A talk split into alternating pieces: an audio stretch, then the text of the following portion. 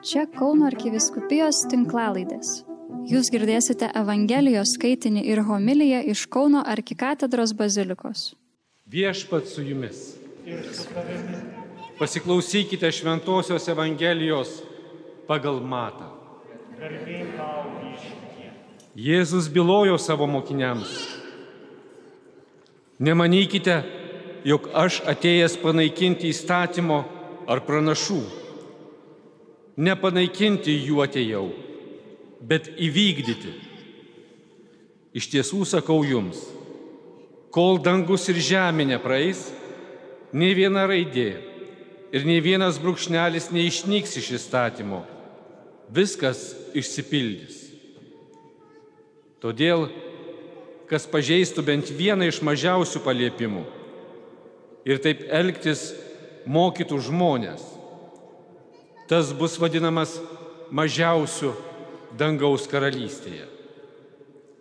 O kas juos vykdys ir jų mokys, bus vadinamas didžiu dangaus karalystėje. Taigi sakau jums, jeigu jūsų teisumas nebus tikresnis už rašto aiškintojų ir fariziejų teisumą, jūs neįeisite į dangaus karalystę. Girdėjote viešpatie žodį. Visada buvo ir šiandien yra e, krikščionių, kurie e, mano, kad Senasis testamentas yra praeitis. E, kad šiandien gyvename naujojo testamento laikais ir tai, kas buvo parašyta kažkada ten, buvo parašyta žydams, o ne mums. Suprask, Naujasis testamentas viršijo Senąjį testamentą ir anas šiandien jau daugiau nereikalingas. Tačiau nepamirškime, kad pirmaisiais krikščionybės amžiais buvo tik Senasis testamentas. Naujasis atsirado vėliau gyvenant bažnyčiai ir jau kaip bažnyčios dokumentas įkveiptas Dievo. Ir pačioje pradžioje krikščionys skaitė tuos pačius raštus, kokius skaitydavo sinagogose kiekvieną šabą. O šab, e, šabo skaitimai buvo įstatymas ir pranašai. Įstatymas tai pentateukas, penkios knygos, kurias, sako, dovanojo tautai mozė. Ir antroji dalis - pranašai, tai naujo santykio su Dievu kvietėjai ir mokytojai. Štai iš šitų dviejų dalių iš esmės ir susidarė žydiškoji Biblija. Ir kiekviena žydiškoji liturgija buvo būtent susijęta su šitom dviem kryptim - įstatymu ir pranašais. Šiandien mes turim jau ir naująjį testamentą, kurio beje neįmanoma suprasti be Senojo testamento. Nes Senasis testamentas kalbėjo apie Naująjį testamentą.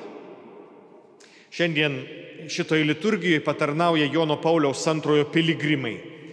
Tai pernai mes visus metus turėjom e, malonumą e, studijuoti Bibliją kiekvieną trečiadienį vakare.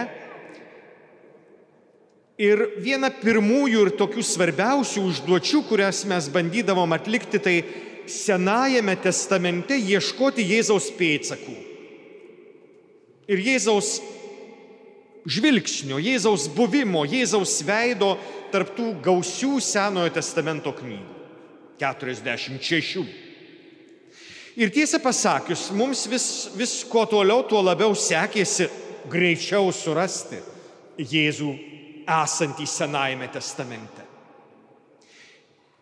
Jėzus neatsiranda tik Naujajame testamente, bet visas Senasis testamentas apie jį kalba ir jį rodo įvairiausiais būdais, įvairiausiais ženklais, įvairiausiais personažais.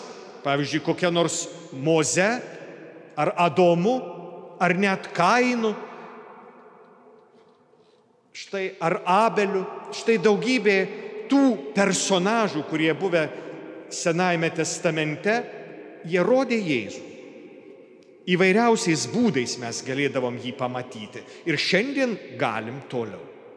Šiandien, kai melžiamės už katechetus, e, tiesiog linkėkim jiems, kad įžiebtų šventojo rašto pirmą, pirmąjį supratimą ir meilę šventajam raštui nes tas, kas nepažįsta šventųjų raštų, nepažįsta Kristaus.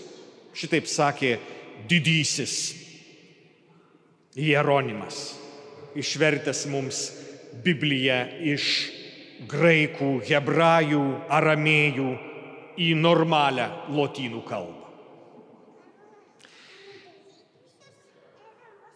Jėzus yra sakęs, kad Įstatymas ir pranašai yra išpildomi mylint. Mylint Dievą ir artimą.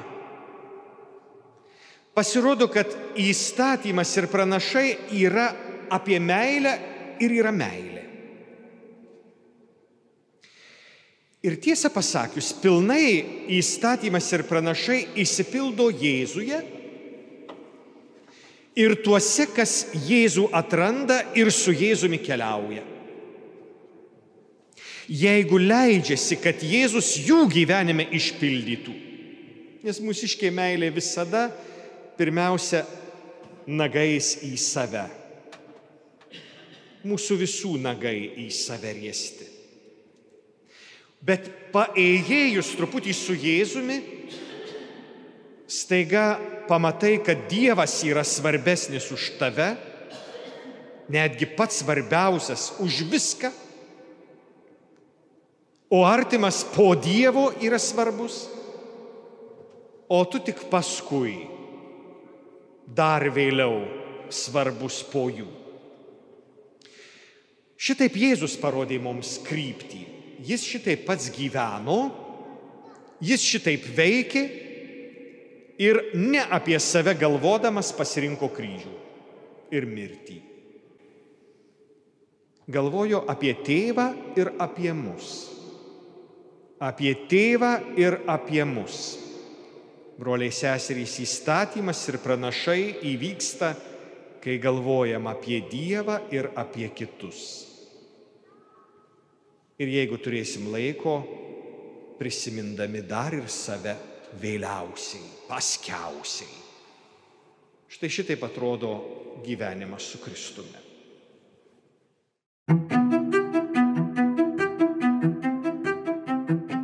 Jūs girdėjote Evangelijos skaitinį ir homiliją iš Kauno arkikatedros bazilikos. Čia Kauno arkiviskupijos tinklalaidės. Sekite mus ir prenumeruokite.